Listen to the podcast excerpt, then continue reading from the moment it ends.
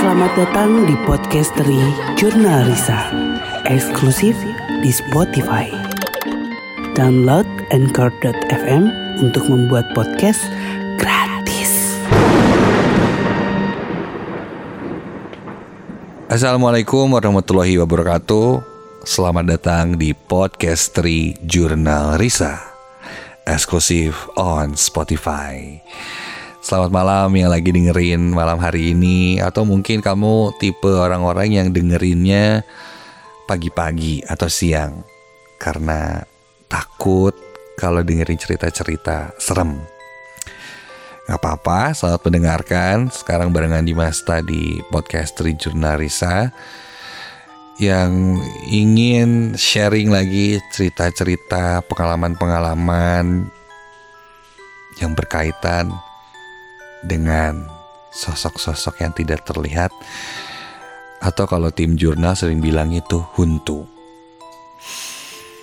Tapi sejauh ini ini kita udah hampir uh, satu tahun lebih ya di podcast Risa ini. Sebenarnya apa sih yang kalian rasain ketika dengar cerita serem? Karena konon katanya ketika kita menceritakan mereka, mereka itu akan datang dan tertarik untuk ikut dengerin atau sekedar pengen tahu lagi ngapain sih ngomongin yang serem-serem. Pernah dengar mungkin mitos kalau kamu lagi naik gunung dan ngelihat satu hal yang gak, ya ganjil bisa dibilang diganggu di pendakian kamu menuju puncak gunung itu.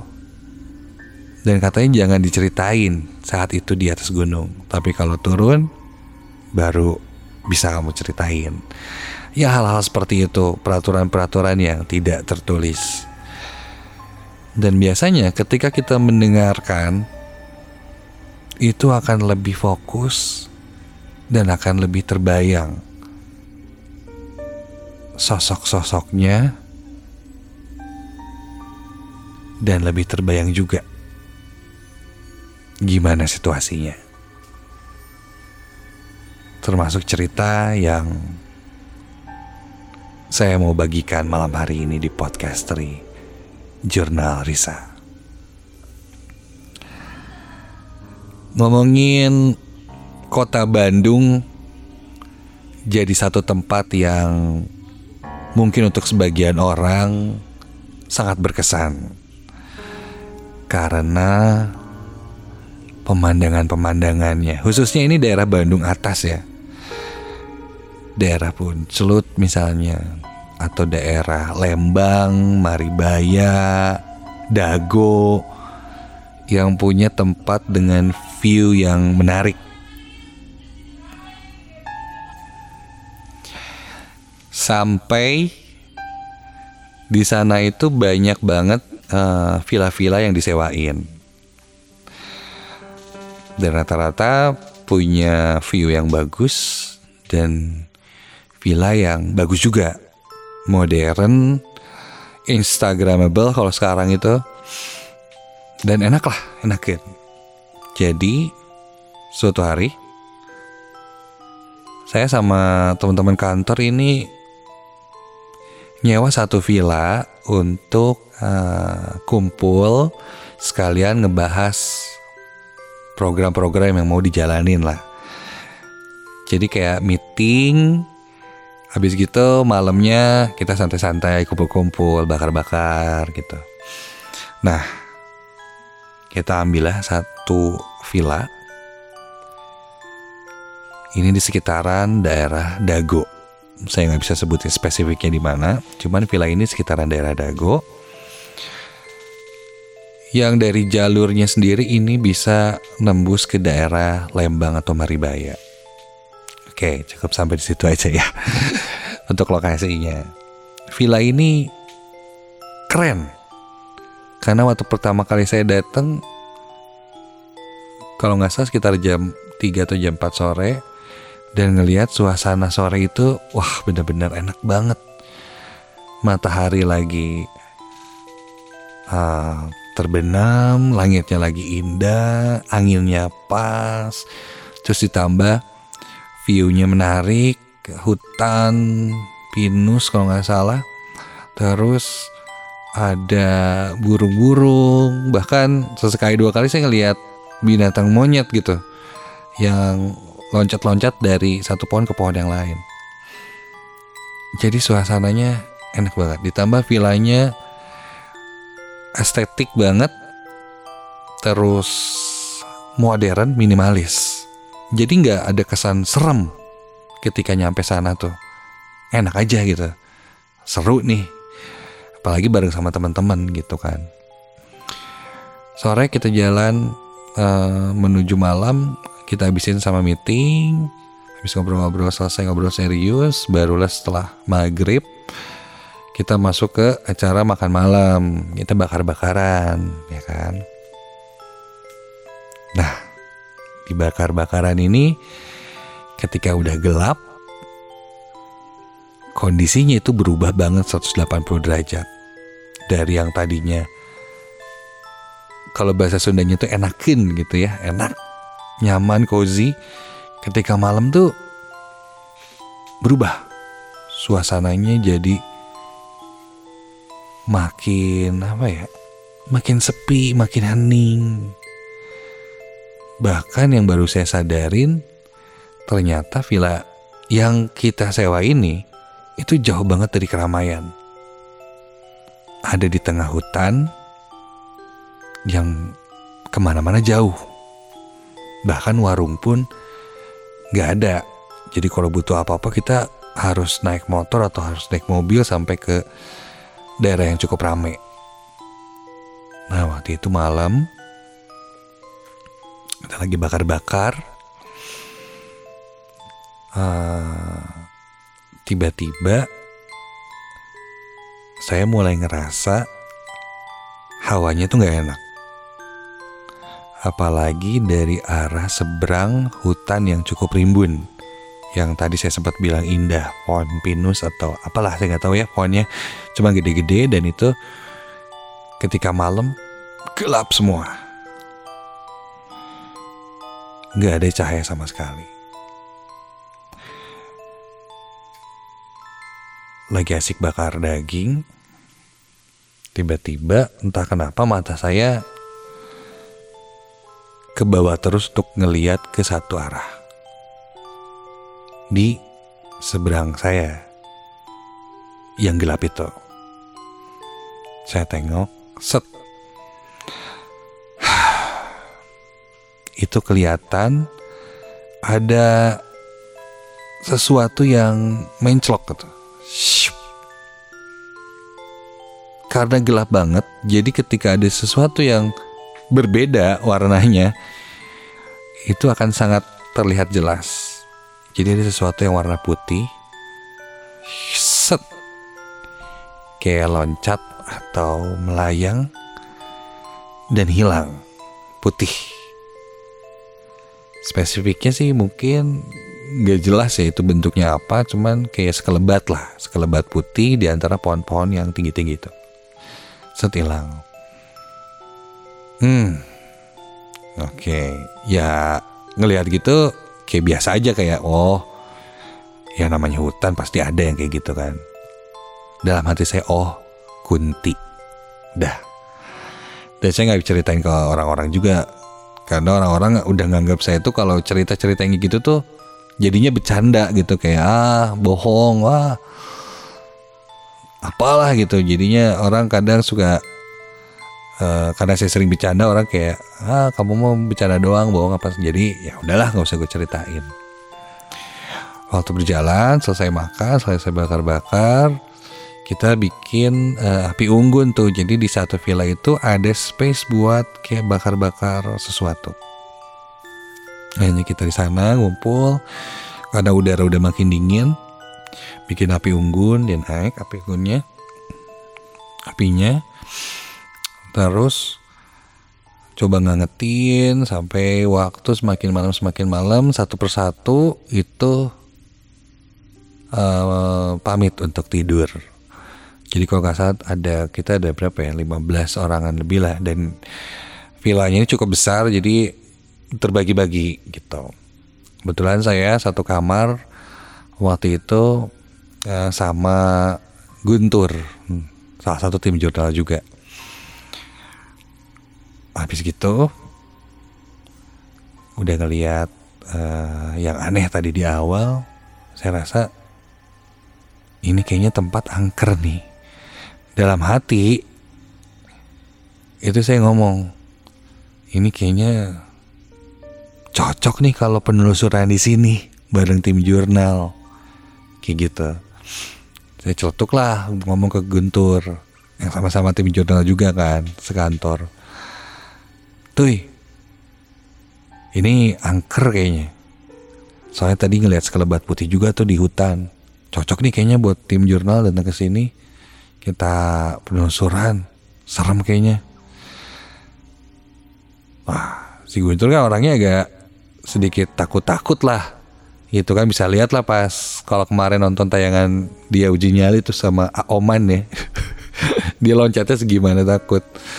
Terus ah udahlah jangan bahas yang gitu malam-malam udah nanti aja bahasnya siang siun kata dia takut ya tuh tapi ini mah seru ya ketika gitu saya jadi makin semangat untuk nakut-nakutin si Guntur akhirnya saya bilang saya pura-pura tadi di dekat tangga mau naik gue lihat pocong Gue bilang gitu sama si Guntur.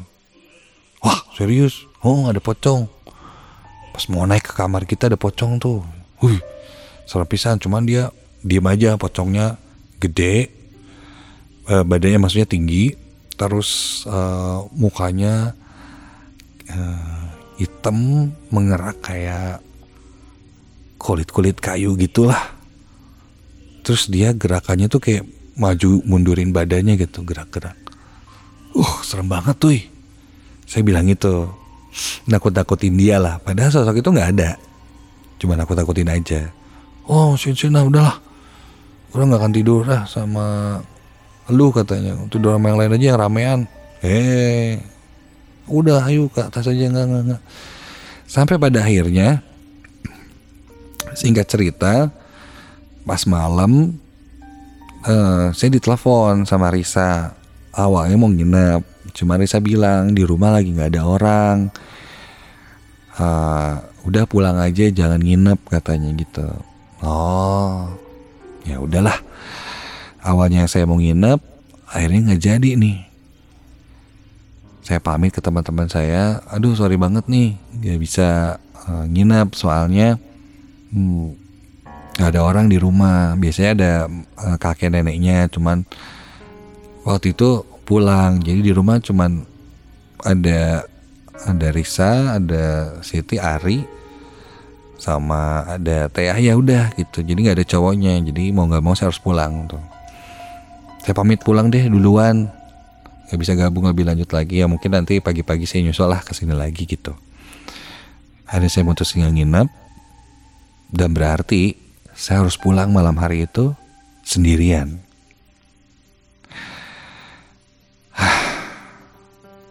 Dan jalan yang saya lewatin sebenarnya kalian mungkin sudah pernah menonton di Ghost Car Tour ada beberapa ada ada dua episode kalau nggak salah saya lupa yang lewat jalan itu jadi bisa nerka-nerka ya kalau misalnya udah uh kayaknya jalan ini nih gitu di mana salah satunya di jalan itu sebenarnya tidak boleh mengucapkan kata lada.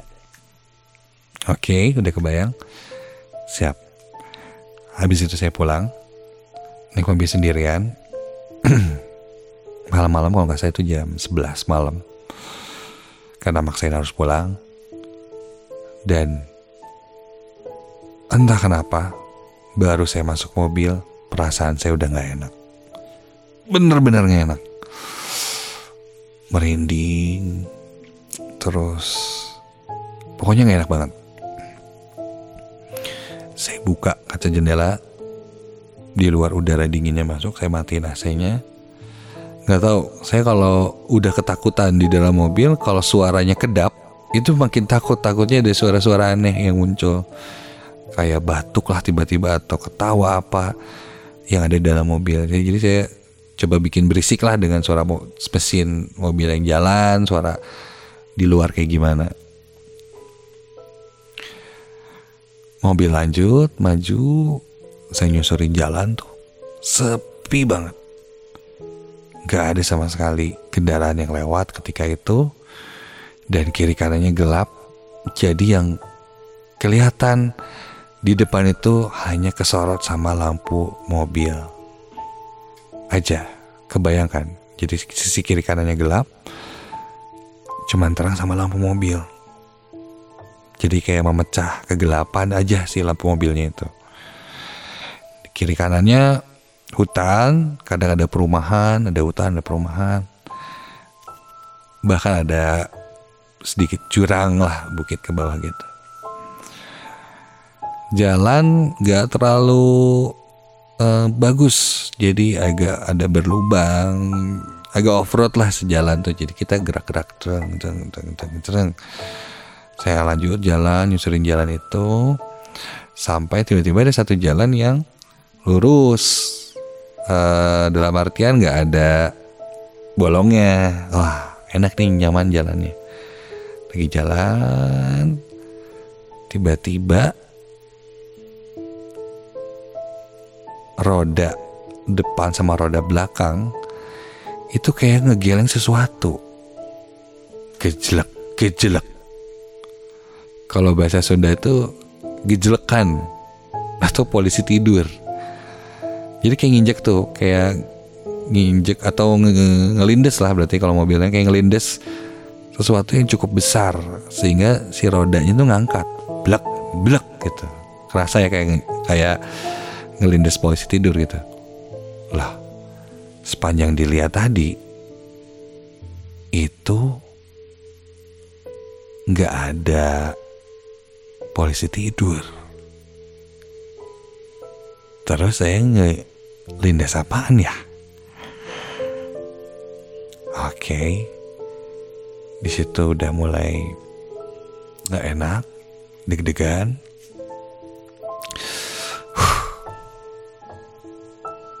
Saya sempat berhenti.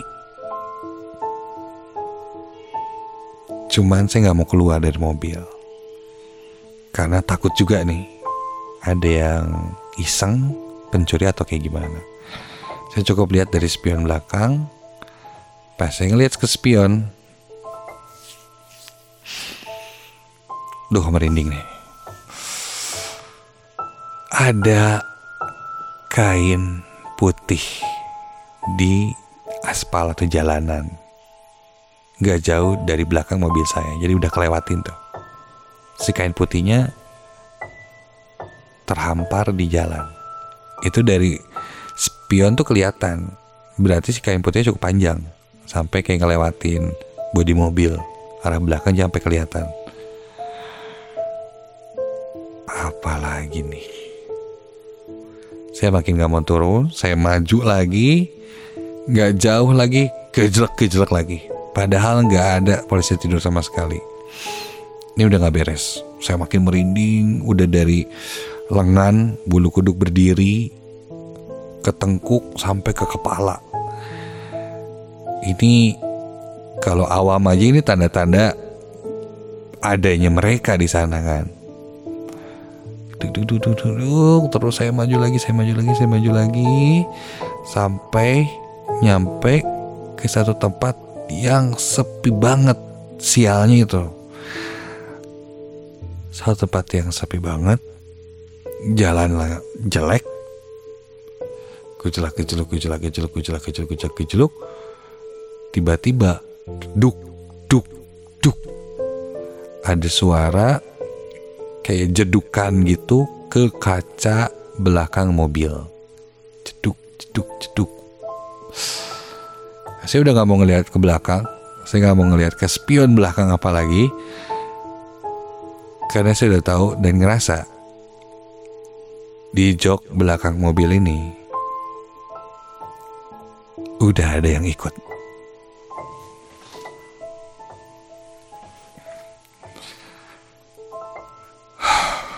Saya tarik nafas, lanjut berdoa dalam hati.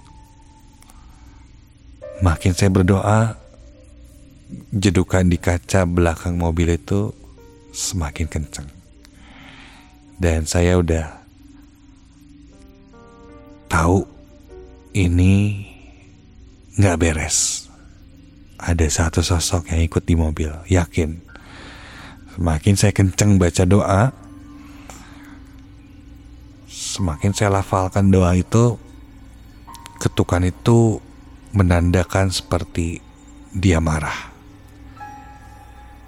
Atau jika mungkin bisa bicara, dia bilang, berisik. Jangan baca itu. Gandeng. Aduh, aduh, aduh. Harus gimana nih? Harus bisa tetap fokus baca. Saya yang paling penting adalah fokus nyetir. Paling penting adalah fokus nyetir. Jeduk, jeduk, jeduk, jeduk, jeduk. Beres.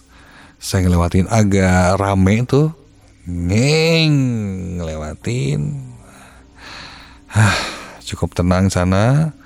Saya masih buka jendela saat itu karena kalau ada apa-apa dan lain-lain, saya lebih gampang untuk uh, menyelamatkan diri lah gitu kasarnya.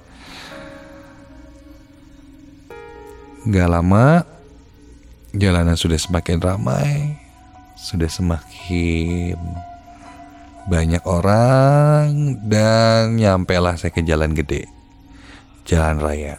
Alhamdulillah saat itu. Merinding udah agak hilang. Ya kan? Hmm, amin.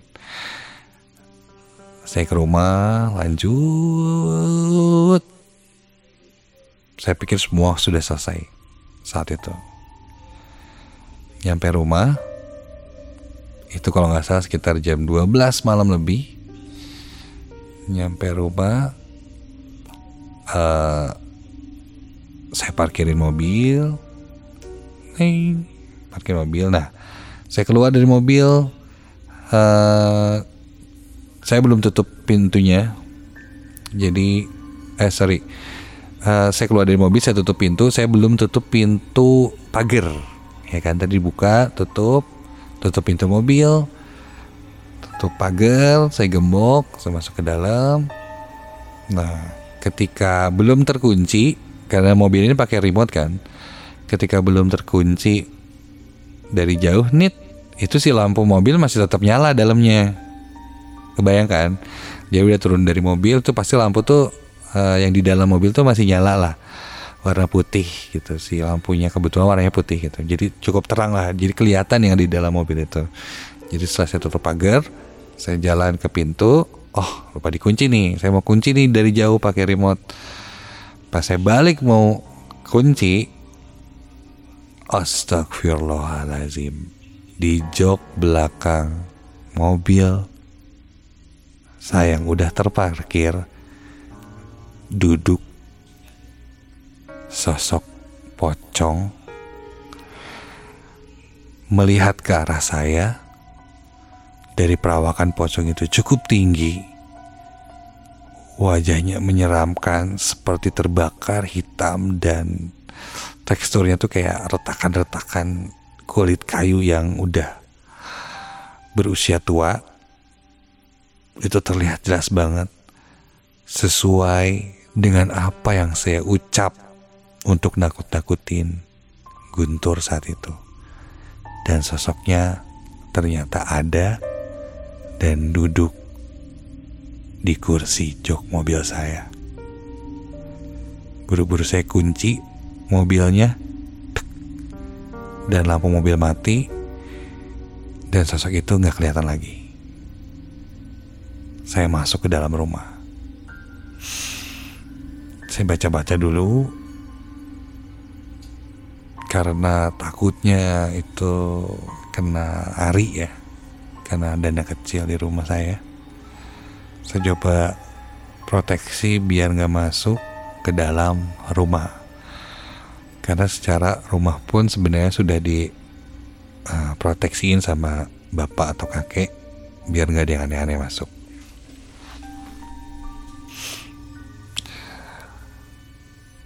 Setelah berdoa, saya tutup pintunya, masuk ke dalam rumah, langsung saya bersih-bersih, mandi.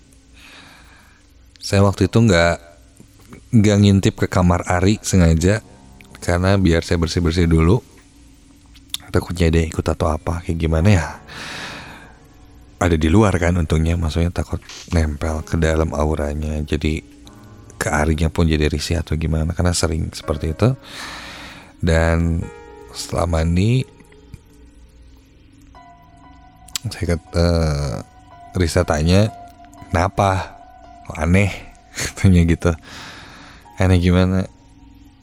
Nggak kalau ada yang aneh-aneh jangan ceritain sekarang ya katanya gitu. Oh iya ya nggak akan. Saya sengaja nggak ceritain dulu karena kalau udah jam segitu ya udah malam gitu kita selalu uh, pantang untuk cerita yang kayak gitu-gitu. Karena biasanya terpanggil dan bisa masuk dia sampai ke dalam.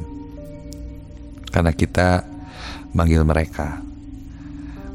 Akhirnya saya nggak apa namanya nggak ceritain sama Risa. Udah sebelum tidur saya berdoa lagi. Semoga gak ada yang masuk dan yang lain. Dah. Malam itu alhamdulillah selesai semuanya. Hingga besok paginya nggak ada gangguan apa-apa. Besoknya saya mau berangkat. Saya bersih-bersih mobil dulu. Pas buka jok belakang mobil ini yang bikin merinding lagi luar biasa di jok belakang mobil ada tanah-tanah kering. Tepat di posisi saya melihat sosok itu sedang duduk. Wow. Saya bersihkan. Sudah. Intinya dari apa yang saya ceritakan malam hari ini adalah jangan berkata sompral. Karena ketika kita ada di satu tempat yang kita tidak tahu sama sekali, bahkan kita seperti seakan-akan mengucapkan atau ngejailin orang tapi ternyata secara alam bawah sadar, mereka masuk di alam bawah sadar kita. Dan ketika saya nakut-nakutin Guntur mungkin itu saya sudah terpengaruhi di alam bawah sadar saya untuk menceritakan sosok yang memang benar-benar ada di sana.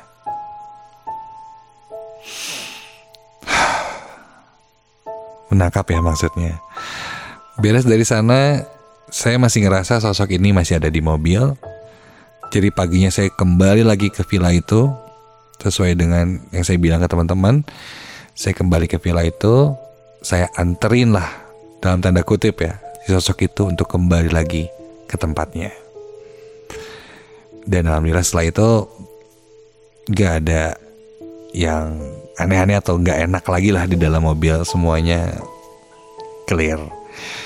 Kadang ini sering terjadi sama saya ketika ada yang ikut dari satu tempat dan minta dianterin balik. Kadang saya anterin dia balik lagi.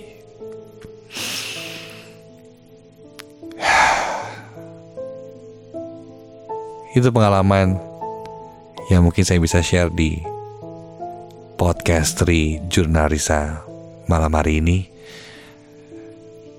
dan mungkin kamu juga punya pengalaman-pengalaman yang sama.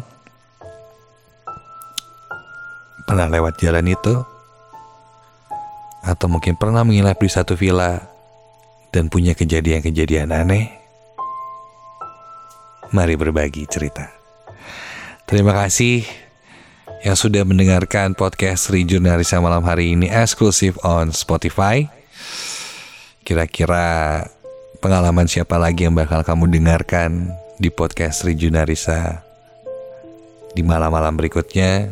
Jadi jangan sampai gak dengerin ya setiap Senin, Rabu, dan Jumat.